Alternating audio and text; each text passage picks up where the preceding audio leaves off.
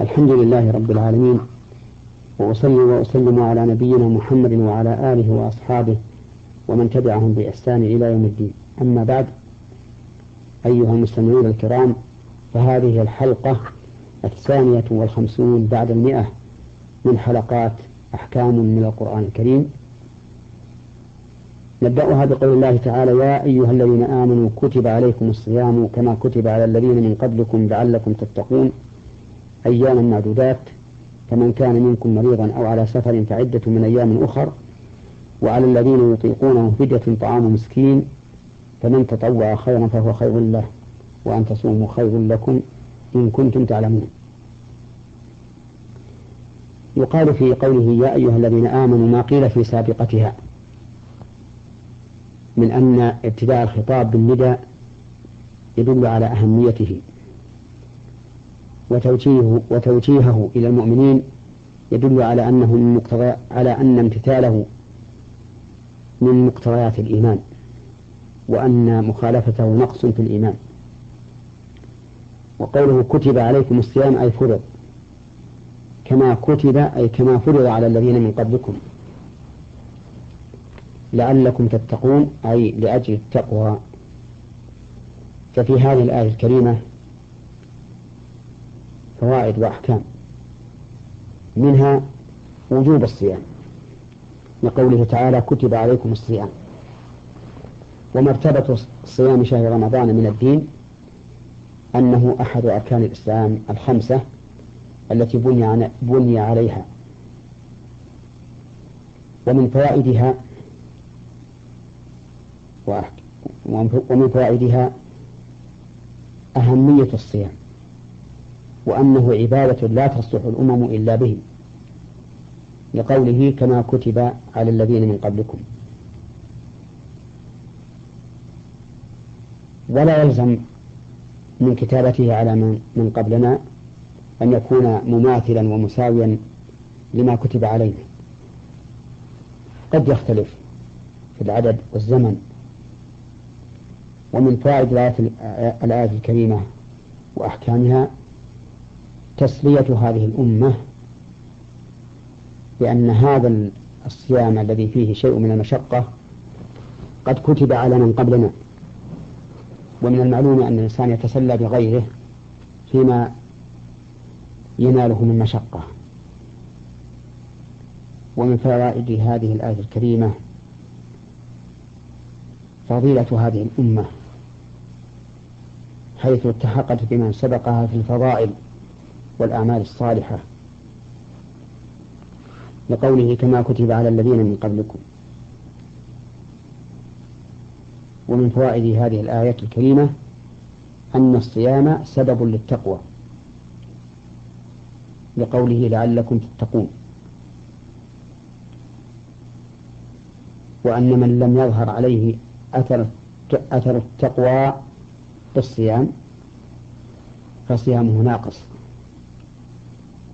ولهذا قال النبي صلى الله عليه وعلى آله وسلم من لم يدع قول الزور والعمل به والجهل فليس لله حاجة في أن يدع في أن يدع طعامه وشرابه. ففائدة الصيام وحكمة الصيام تقوى الصائم لله عز وجل. فلا يرفض ولا يفسق. بل لو قاتله أحد أو شاتمه فليقل إني صائم. ومن فوائد الآية الكريمة إثبات الحكمة في شرع الله عز وجل. وأنه جل وعلا لا يشرع شيئا إلا لحكمة سواء علمناها أم لم نعلمها. فإن علمناها فهذا من فضل الله من فضل الله علينا حيث نعرف به كمال الله عز وجل.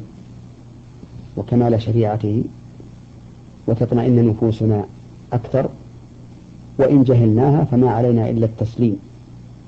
لقول الله تبارك وتعالى وما كان لمؤمن ولا مؤمنة إذا قضى الله ورسوله أمرا أن يكون لهم الخيرة من أمرهم ومن يعص الله ورسوله فقد ضل ضلالا مبينا.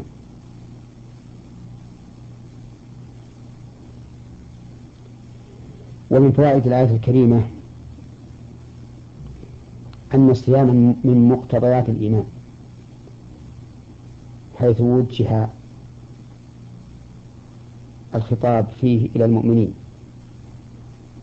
لقوله يا أيها الذين آمنوا كتب عليكم الصيام إلى آخره. ثم قال تعالى أياما معدودات. يعني أن الصوم المفروض ليس شهورا ولا سنوات ولا أياما طويلة بل هو أيام معدودات. فمن كان منكم مريضا يعني وشق عليه الصوم أو على سفر فعدة من أيام أخرى. عدة مبتدأ خبره محذوف والتقدير فعليه عدة من أيام أخرى.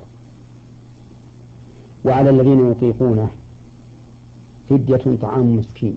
يعني على الذين يستطيعونه. فدية طعام مسكين إذا لم يريدوا الصوم. فمن تطوع خيرا فهو خير له. يعني فمن تطوع خيرا ببذل الفدية فهو خير له. وأن تصوموا خير لكم إن كنتم تعلمون. يعني إن كنتم من ذوي العلم. ثم بين هذه الأيام المعدودات في قوله شهر رمضان. في الآية الكريمة فوائد عديدة منها. تصوير الأمر الشاق بأمر سهل حتى تنشط النفوس وتقبل عليه لقوله أياما معدودات. فإن الله تعالى عرض هذا الصوم هذا المعرض الذي يسهل على المرء أن يقوم بالصيام. ومن فوائد الآية الكريمة وأحكامها أن المريض لا يلزمه الصوم أداء بل له أن يؤخره حتى يبرأ لقوله فعدة من أيام أخر. والمرض هنا مطلق فيقتضي أي مرض كان سواء كان المرض في عضو من أعضائه أو في كل بدنه وسواء كان المرض بالحمى أو غيرها. لكن هل يشترط أن يكون المرض شاقا؟ يقال نعم. لا بد أن يكون هذا المرض شاقا على الإنسان أن يصوم مع وجوده